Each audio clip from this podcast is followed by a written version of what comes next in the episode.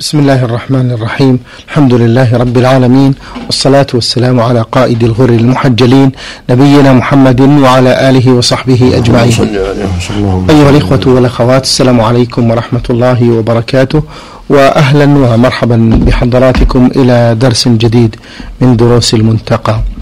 ضيف اللقاء هو سماحة الشيخ عبد العزيز بن عبد الله بن باز المفتي العام للمملكة العربية السعودية ورئيس هيئة كبار العلماء. مع مطلع هذا اللقاء نرحب بسماحة الشيخ فأهلا ومرحبا يا سماحة الشيخ. حياكم الله وبارك فيكم. الحقيقة بقي أسئلة في باب الاستتار عن الأعين للمغتسل وجواز تجرده في الخلوة. نستأذن سماحة الشيخ بأن نعرضها عليه وهو والسؤال الأول سماحة الشيخ ما حكم التسمية بعبد الستار؟ بسم الله الرحمن الرحيم. الحمد لله وصلى الله وسلم على رسول الله وعلى آله وأصحابه. ومن اهتدى بهداه أما بعد فلا أعلم حرج في ذلك لأن الستار معنى من أسمائه جل وعلا في المعنى لأنه جاء الحديث الستير الحيي الستير والستير مبالغة بمعنى الستار. ولكن إذا ترك الإنسان هذا الاسم وتسمى بالأسماء المعروفة الواضحة الثابتة في القرآن والسنة يكون أحسن. كعبد السميع والبصير والحكيم والقدير والعزيز وأشبه ذلك. وأما الحفيظ فهو من أسماء الله. إن الله كان على كل شيء حفيظا. فعبد الحفيظ لا بأس به. نعم. هل يشتق من الصفات أسماء لله عز وجل؟ سماحة الشيخ؟ لا أسماء توقيفية. أسماء الله توقيفية لا يشتق من أفعاله أسماء له ولكنها توقيفية. فلا يشتق من من مكر الله الماكر. ولا من يخادعه خادعه الخادع. ولا من إنهم يكيدون كيدا واكيد كيدا الكائد. أسماء الله توقيفية. فما جاء بلفظ الفعل يطلق عليه بلفظ الفعل. وما جاء بلفظ الاسم يطلق عليه بلفظ الاسم. وما جاء مضافا فقط يطلق بالإضافة وهو خادعهم. نعم. أحسن الله إليكم. ذكر ابن حزم رحمه الله سماحة الشيخ أن العلماء اتفقوا على تحريم التعبيد لغير الله. ما علة ذلك؟ وهل معنى ذلك أنه يجوز أن نسمي عبد المطلب؟ ذكر الشيخ محمد رحمه الله في كتاب التوحيد عن ابن حزم. اتفاق العلماء على تحريم كل اسم معبد لغير الله. كعبد الكعبة وعبد النبي. وعبد الصنم الفلاني وما أشبه ذلك أو عبد الكواكب. كل هذا لا يجوز. ما أدى عبد المطلب لأن الرسول صلى الله عليه وسلم قرر عبد المطلب. من أسماء بعض الصحابة عبد المطلب. فدل على استثنائه. نعم. سماحة الشيخ حفظكم الله بمعنى أن التعبيد لغير الله هل هو شرك أصغر؟ نعم. شرك أصغر شرك أصغر نعم. أحسن الله إليكم. سماحة الشيخ حفظكم الله حديث أبي هريرة عن النبي صلى الله عليه وسلم قال بينما أيوب عليه السلام يغتسل عريانا فخر عليه جراد من ذهب فجعل أيوب يحثي في ثوبه فناداه ربه تبارك وتعالى يا أيوب ألم أكن أغنيتك عما ترى قال بلى وعزتك ولكن لا غنى بي عن بركتك. هذا الحديث يا سماحة الشيخ آه، حديث أبي هريرة. ظاهره أن الله تعالى لم ينكر على أيوب اغتساله عريانا وإنما عاتبه على جمع الجراد كما ذكر ذلك ابن بطال رحمه الله. فكيف الجمع بينه وبين الحديث الأول؟ إذا كان المحل خالي ليس فيه ما ما ينظر العوره فلا بأس يغتسل عريان كما اغتسل موسى عريان عليه الصلاة والسلام ووضع ثوبه على الحجر وكما كان النبي يغتسل عريان في بيوته عليه الصلاة والسلام فالعريان فالغسل عريان لا حرج فيه إذا كان في محل مستور. عن العيب لا يراه إلا زوجته أو لا يراه أحد لا حرج في ذلك. ومن ومن ذلك ما, ما وقع لأيوب عليه الصلاة والسلام. وقوله لا غنى عن بركته يعني إن هذا الجراد من الذهب من البركة. ولا غنى بالمؤمن عن بركة الله.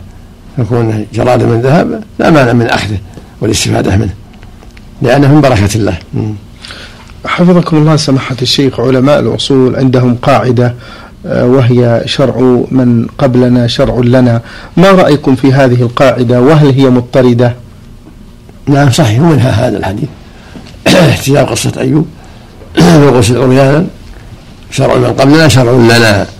بشرط ما ما لم يأتي شرعنا بخلافه بهذا الشرط. أن يكون شرعنا لم يأتي بخلافه فإذا ثبت عن موسى وعن عيسى وعن الأنبياء أفعال أو شريعة لهم فهي شرع لنا. لا بأس أن نفعلها. إلا إذا جاء شرعنا بخلاف ذلك. جاء شرعنا بالنهي عن ذلك فإننا لا نعمل بها. تكون من خصائصهم الشيخ هل الحديث آه، الثالث تفسير لقوله تعالى يا أيها الذين آمنوا لا تكونوا كالذين آذوا موسى فبرأه الله مما قالوا. يحذر النبي يحذر الأمة محمد صلى الله عليه وسلم أن يؤذوا نبيهم كما آذى بنو إسرائيل موسى. يعني احذروا أن تؤذوا نبيكم محمد صلى الله عليه وسلم كما فعل بعض بني إسرائيل نسأل الله العافية. نعم. باب الدخول قال المؤلف رحمه الله تعالى باب الدخول في الماء بدون إزار. عن علي بن زيد عن أنس بن مالك قال قال رسول الله صلى الله عليه وسلم إن موسى بن عمران عليه السلام كان إذا أراد أن يدخل في الماء لم يلق ثوبه حتى يواري عورته في الماء رواه أحمد. وقد نص أحمد على كراهية دخول الماء بغير إزار وقال إسحاق هو بالإزار أفضل لقول الحسن والحسين رضي الله عنهما وقد قيل لهما وقد دخل الماء وعليهما بردان فقال إن, إن للماء سكانا قال إسحاق وإن تجرد رجونا ألا يكون آثما واحتج بتجرد موسى عليه السلام. وهذا هو الصواب. لا بأس بدخول الماء عريانا إذا لم يكن عنده أحد يرى عورته لا بأس. حديث علي بن زيد ضعيف. يضعف الحديث. لكن المقصود أن دخول الماء عريانا والاغتسال عريانا في الصحراء أو في غير أي مكان لا بأس به. إذا كان ما مستور ما, ما عنده أحد يرى عورته. من الناس في حمامه في صحراء ما فيها أحد في في ماء ما عندها أحد كل هذا لا حرج الأصل هو السلامة حتى يأتي النهي. وقد فعل موسى هذا عليه الصلاة والسلام والنبي صلى الله عليه وسلم كان يغتسل عريانا عليه الصلاة والسلام. نعم. قال المؤلف رحمه الله تعالى باب ما جاء في دخول الحمام. عن أبي هريرة أن رسول الله صلى الله عليه وسلم قال من كان يؤمن بالله واليوم الآخر من ذكور أمتي فلا يدخل الحمام إلا بمئزر.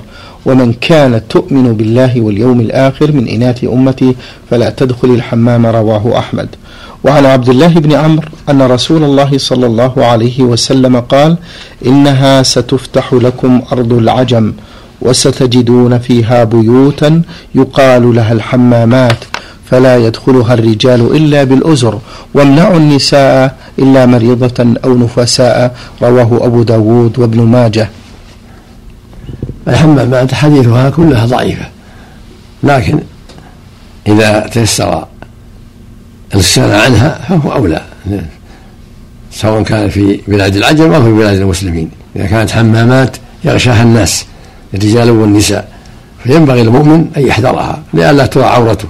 وهكذا المؤمنة.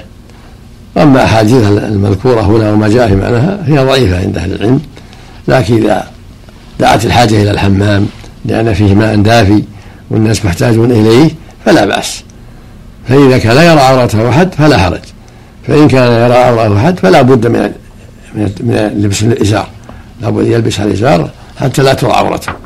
وأما النساء فيمنعن من دخول الحمامات إذا كان في فيها اختلاط. أما إذا كان حمامات مضبوطة ليس فيها اختلاط تستطيع المرأة أن تدخلها ومستورة العورة لا يراها أحد فلا حرج في ذلك ولا سيما في البلاد الباردة لأن الحمامات يكون فيها الماء الدافي فإذا دعت الحاجة إليها في البلاد الباردة وهي حمامات مضبوطة ليس فيها تكشف عند الرجال بل المرأة تغتسل وحدها والرجل يغتسل وحده أو بمئزر فلا حرج في ذلك والحمد لله. عملا بالأصل. أحسن الله إليكم. تسمية دورات المياه في وقتنا الحاضر سماحة الشيخ بالحمامات مع ما فيها من الذم ما رأيكم فيها؟ الأمر في هذا واسع. يعني يتحمل فيها السمان يعني يتحمل فيها يعني يغتسل فيها. نعم. الأمر سهل. قال المؤلف هذا الصحيح نعم. النبي صلى الله عليه وسلم قال الأرض كلها مسجد إلى المقبرة والحمام الحمام. اللي يعني يبال فيه وتقضى فيه الحاجات. نعم. قال المؤلف رحمه الله تعالى كتاب التيمم باب تيمم الجنب للصلاة إذا لم يجد ماء. عن عمران بن الحصين قال كنا مع رسول الله صلى الله عليه وسلم في سفر فصلى بالناس فإذا هو برجل معتزل فقال ما منعك أن تصلي؟ قال أصابتني جنابة ولا ماء. قال عليك بالصعيد.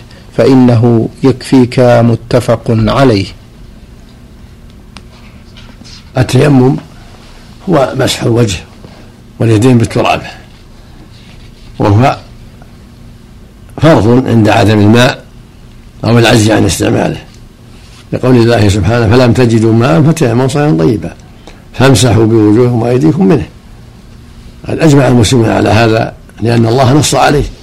فإذا عدم الماء في الصحراء أو غيرها أو عرض له عارض يمنعه من ذلك من مرض أو جراحات لا يستطيع معها استعمال الماء فإنه يتيمم عن الحدث الأكبر والأصغر عن الجنابة وهكذا الحائض وهكذا النفساء إذا عجزت الحائض عن الماء أو النفساء تستعمل التيمم. والمقصود أن التيمم بدل الماء عند العجز عن استعماله في الوضوء والغسل. وهكذا عند عند العجب إذا كان معدوما. وهو يرفع الحدث على الصحيح. ولهذا قال صلى الله عليك بالصعيد فإنه يكفيك. يعني يكفي في في الطهارة عن الماء عند عدم الماء. وقال بعض أهل العلم إنه يرفع الحدث إنه يرفع إنه لا يرفع الحدث ولكن يبيح العبادة. يبيح أن يصلي ونحو ذلك لكن لا يرفع الحدث لأن طهارته ناقصة. والصواب أنه يرفع الحدث. لأن الله جل وعلا اقامه مقام الماء اقامه مقام الماء. والنبي صلى الله عليه وسلم قال جعل لي الأرض مسجدا وطهورا. فسمى التيمم طهورا. فهذا هو الصواب أن التيمم مثل الماء يرفع الحدث. فإذا تيمم للظهر وجاء العصر وهو على طهارة صلى بها العصر. وإذا تيمم العصر وجاء المغرب وهو على طهارة صلى بها العصر. هذا صلى في المغرب هذا هو الصواب. ولا يبطل إلا بوجود الماء. أو بزوال العذر. إذا وجد الماء عند تعذره بطل التيمم. أو عند زوال العذر العذر الذي أباح التيمم. إذا زال العذر بطل التيمم ووجب عليه استعمال الماء. إذا سماحة الشيخ الحالات التي تبوح التيمم؟ عدم الماء. عدم الماء. أو وجود العذر من مرض أو جراحات إذا استعمل ما يضره الماء. الصفة الصحيحة للتيمم سماحة الشيخ حبيبي أن يضرب التراب ضربة واحدة. ويمسح بهما وجهه وكفيه هذه السنة. ما يحتاج ضربتين ضربة واحدة. يمسح ببطون أصابعه وجهه ثم يمسح يديه باطنهما وظاهرهما بباقي ما في يده من التراب. كما بينه النبي صلى الله عليه وسلم في حديث عمار وبغيره. ضرب التراب بيديه ثم مسح بهما وجهه وكفيه وعلم النبي الناس هكذا يقول. والله قال فلم تجدوا ماء فتيمموا صعيدا طيبا فامسحوا بوجوهكم وأيديكم منه. وقال الرسول ابدأوا بما بدأ الله به يبدأ بالوجه أحسن الله إليكم. سمحت. التيمم يكون في الكفين فقط ما يحتاج إلى الذراعين يمسح وجهه وكفيه فقط الذراع ما يمسح. نعم. آه، التيمم هل هو خاص بهذه الأمة؟ سماحة الشيخ؟ نعم. التيمم هل خاص الأمة نعم. نعم. إذا تيمم الجنب ثم وجد وجد الماء بعد مدة هل يلزمه الاغتسال؟ إذا تيمم الجنب ثم وجد يمسه وجهه ويغتسل كما أمر النبي صلى الله عليه وسلم. قال الصعيد وضوء مسلم وإن لم يجد الماء فسين فإذا وجد الماء فليتقي الله وليمسه بشرته. قال المؤلف رحمه الله تعالى باب تيمم الجنب للجرح. عن جابر قال خرجنا في سفر فأصاب رجل رجلا منا حجر فشجه في رأسه ثم احتلم فسأل أصحابه هل تجدون لي رخصة في التيمم؟ فقالوا ما نجد لك رخصة وأنت تقدر على الماء فاغتسل فمات. فلما قدمنا على رسول الله صلى الله عليه وسلم أخبر بذلك فقال قتلوه قتلهم الله ألا سألوا إذ لم يعلموا فإنما شفاء العي السؤال. إنما كان يكفيه أن يتيمم ويعصر أو يعصب على جرحه خرقة ثم يمسح عليه ويغسل سائل سائر جسده. رواه ويغسل. نعم. ويغسل سائر جسده. رواه أبو داود والدار قطني هذا هو الواجب على من به جراحات إذا عجز عن الماء يتيمم. ويكفي التيمم والحمد لله كالعادة من الماء والحديث في سنده ضعف ولكن معناه صحيح. الحديث سنده ضعيف عند أهل العلم لكن معناه صحيح. معناه إذا أصاب الإنسان جرح ويشق عليه الماء وهو معروف أن الماء يضره فإنه يتيمم. ويكفي الماء والحمد لله كما يتيمم عند عدم الماء. نعم. حفظكم في الحديث نعم. أن الواجب السؤال على من ليس على من ليس لديه علم الواجب عليه يسأل. الله يقول فاسألوا أهل الذكر إن كنتم لا تعلمون. ولا يجوز الفتيا بغير علم. وإن كان الحديث ضعيف لكن معناه صحيح لا يجوز للمسلم أن يفتي بغير علم. بل يجب أن يفعل أن يبحث ويسأل عما أشكل عليه. وإن كان عنده علم يراجع النصوص الأدلة من الكتاب والسنة حتى يكون على بصيرة. وليس له يفتي بغير علم نعم. أحسن الله إليكم سماحة الشيخ. آه، يتساهل بعض الناس خاصة في السفر سماحة الشيخ بأمر التيمم فإذا حضرت الصلاة تيمم حتى ولو كانت الصلاة مما تجمع إلى ما بعدها. فنرجو توجيه إلى ذلك. لا بأس لا حرج. إذا ما عنده ماء يتيمم والسنة عدم الجمع. إذا كان نازل مستريح السنة أن تصلى كل صلاة في وقتها ولو بالتيمم. أما إذا كان عنده عنده سواء جمع ولا ما جمع يلزمه استعمال الماء. أما إذا عجز عن الماء فإنه يصلي بالتيمم جمعا أو أو غير جمع سواء جمع أو لم يجمع نعم. قال المؤلف رحمه الله تعالى باب الجنب يتيمم لخوف البرد. عن عمرو بن العاص أنه لما بعث في غزوة ذات السلاسل قال احتلمت في ليلة باردة شديدة البرد فأشفقت إن اغتسلت أن أهلك فتيممت ثم صليت بأصحابي صلاة الصبح فلما قدمنا على رسول الله صلى الله عليه وسلم ذكروا ذلك له فقال يا عمرو صليت بأصحابك وأنت جنب فقلت ذكرت قول الله عز وجل ولا تقتلوا أنفسكم إن الله كان بكم رحيما. فتيممت ثم صليت فضحك رسول الله صلى الله عليه وسلم ولم يقل شيئا. رواه أحمد وأبو داود والدار قطني. وهذا حجة على أن من خاف البرد الشديد لا بأس أن يتيمم. لأن الرسول أقر عمرا ولم يأمره بإعادة فدل ذلك على أنه لا حرج. إذا كان الوقت فيه برد شديد في البر في الصحراء وليس عنده ما يدفئ الماء فلا يخاطر بنفسه يا يتيمم ولا يغتسل والحمد لله. أما إذا تيسر له تدفئة الماء والمحل الذي يستطيع يغتسل فيه فلا بأس. يجب عليه. لأن الله يقول فاتقوا الله ما استطعتم. والله يقول جل وعلا ولا تقتلوا أنفسكم. إن الله كان رحيما. ويقول جل وعلا ولا تلقوا بأيديكم إلى التهلكة. نعم. سماحة الشيخ إذا كان على الإنسان لفافة على جرح ونحوه فهل يكفي المسح عليها أم لا بد من المسح من التيمم؟ إن مسح على الجرح. كفى وإن كان عليه جبيرة مسح الجبيرة. كان الجرح لا يضره المسح عليه مسح عليه. وإن كان يخشى يضره يجعل عليه جبيرة ويمسح على الجبيرة. والجبيرة تكون بقدر الحاجة يلفها عليه. هل هناك شروط على المسح على الجبيرة سماحة الشيخ؟ لا مو ولو ولو لبسها على غير طهارة، الصواب لا يشترط في ذلك الطهارة، لأنها تعرض للناس بغير اختيارهم. قد يصاب بالجرح وهو ليس على طهارة. فيضع الجبيرة وإن كان على غير طهارة والحمد لله. وليس لها وقت معين من توقيت ولو مكثت أياما كثيرة يمسح عليها بخلاف الخفين مؤقتة بيوم وليلة حفظكم الله سماحة الشيخ ما الحد الفاصل لجواز تيمم الجنب في الليلة الباردة؟ الخطر إذا كان خطر ومشقة فإنه يتيمم ولا يغتسل إلا إذا وجد مكان دافي وماء دافي. آه، مثلا سماحة الشيخ إذا كان عند الإنسان ماء بارد وقام بتسخينه خرج وقت خرج الوقت فهل يتيمم؟ لا ما ما يخرج الوقت. التسخين سهل. التسخين خمس دقائق تسخن أو عشر دقائق.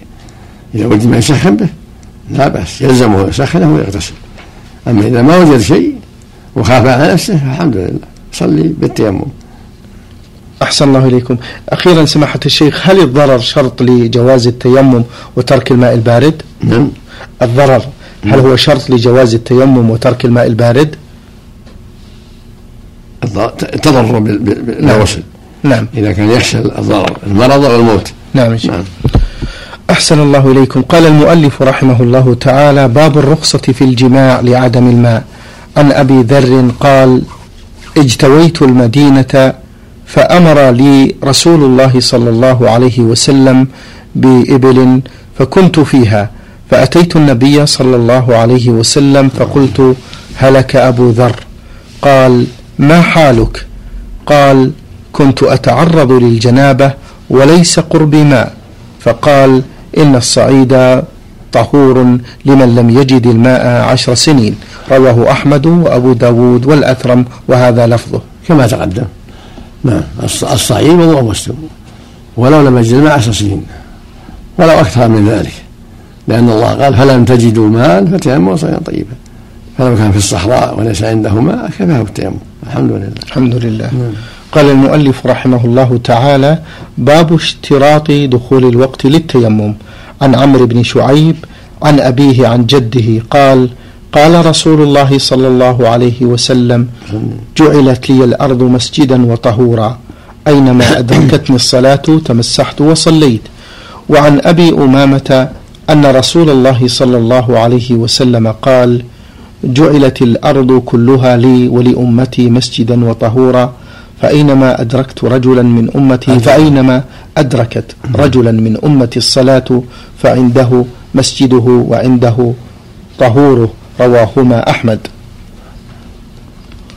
هذا الحديث ما جاء في معناهما يدلان على أن الأرض مسجد وطهور. متى حضرت الصلاة فعنده مسجده وعنده طهوره. الأرض مسجد وترابها طهور. وقد جاء في الصحيحين من حديث جابر رضي الله عنه أن النبي عليه الصلاة والسلام قال أعطيت خمسا لم يعطهن أحد من قبلي نصرت بالرعب مسجد الأشهر. وجعلت الأرض مسجدا وطهورا. فأيما رجل من أمتي أدركته الصلاة فليصلي. فالمقصود أن المسجد أن الأرض مسجد وترابها طهور سواء كان الإنسان فاقدا للماء أو عاجزا عن استعماله. فالمسجد فالأرض له مسجد وهي له طهور أيضا. أما اشتراط دخول الوقت كما أشار المؤلف فليس عليه دليل. والصواب أنه يجوز قبل الوقت وبعد الوقت. فلو تطهر بالتيمم قبل الغروب صلى به صلاة المغرب. هذا هو الصواب. ولو تطهر للظهر قبل الزوال صلى به الظهر. بالتيمم يعني. نعم. المقصود أنه كالماء. هذا هو الصواب. لأن الله قال فلم تجدوا لأن الله قال فلم تجدوا ماء فتيمموا صلاة طيبا فامسحوا بوجه وأيديكم منه والنبي عليه السلام قال جعلت لي الأرض مسجدا وطهورا. فسمى ترابها طهورا. نعم. أحسن الله إليك. سماحة الشيخ التيمم بالتراب المبلل ما حكمه وما الدليل على من اشترط التراب الذي لا غبار له؟ الصواب أنه يكون من من من, من تراب له غبار. دليل قوله جل وعلا فامسحوا بوجوهكم وأيديكم منه. فالذي ما له غبار ما يلحق باليد ما ما يعلق اليد شيء منه. يعني قال منه من التبعير فدل على أنه لا بد يضرب ارضا فيها شيء يلاق اليد لكن لو لو ما وجد شيء فهو معذور.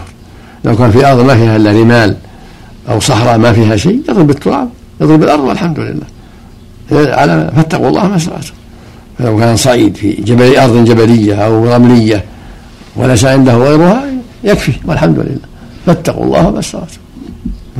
إذا سمحت الشيخ حفظكم الله الجبال هل هي من التراب؟ يصح المسح عليها؟ الصعيد. نعم. فتكون صعيدا طيبا سمى صعيد. أحسن الله إليكم. وجه الأرض هو الصعيد. نعم. عن أبي هريرة أن رسول الله صلى الله عليه وسلم قال إذا أمرتكم بأمر فأتوا منه ما استطعتم. متفق عليه. وهذا حجة في أنه إذا لم يجد تراب تيمم من أرض عنده من سبخة أو رمال أو أو صلبة كله. فاتقوا الله ما استطعتم. نعم. باب تعيين التراب للتيمم دون بقية الجامدات. نعم. عن علي رضي الله عنه قال قال رسول الله صلى الله عليه وسلم أعطيت أعطيت ما لم يعطى أحد من الأنبياء. نصرت بالرعب وأعطيت مفاتح الأرض وسميت أحمد. وجعل لي التراب طهورا. وجعلت أمتي خير الأمم رواه أحمد. وعن حذيفة قال قال رسول الله صلى الله عليه وسلم فضلنا على الناس بثلاث. جعلت جعلت صفوفنا كصفوف الملائكة. وجعلت لنا الأرض كلها مسجدا. وجعلت تربتها لنا طهورا إذ إذا لم نجد الماء رواه مسلم. وهذا مثل ما تقدم ترابها وجهها. فإذا تيسر التراب تيمم منه وإلا تيمم حيث وجد والحمد لله. فاتقوا الله ما استطعتم. فإذا وجد التراب استعمل التراب. وإذا ما لم يجد التراب كالصحراء التي ليس فيها شيء أو ليس فيها إلا رمل أو سبخة تيمم منها. لعموم قوله جل وعلا فتيمم صعيدا طيبا. ولعموم قول صلى الله عليه وسلم وجعل الأرض مسجدا الأرض عام. يعم السبخة ويعم ذات التراب ويعم ذات الرمال ويعم الصحراء التي ليس فيها شيء بل هي جبلية كلها عام لكن متى وجد التراب؟ استعمله. نعم. شكر الله لكم سماحة الشيخ وبارك الله فيكم وفي علمكم ونفع بكم الإسلام والمسلمين. أيها الإخوة والأخوات كان معنا في هذا الدرس الطيب المبارك سماحة الشيخ عبد العزيز بن عبد الله بن باز المفتي العام للمملكة العربية السعودية ورئيس هيئة كبار العلماء. شكر الله لسماحته على ما بين لنا في هذا اللقاء الطيب المبارك وشكرا لزميلي مهندس الصوت فهد بن محمد العثمان. والسلام عليكم ورحمة الله وبركاته.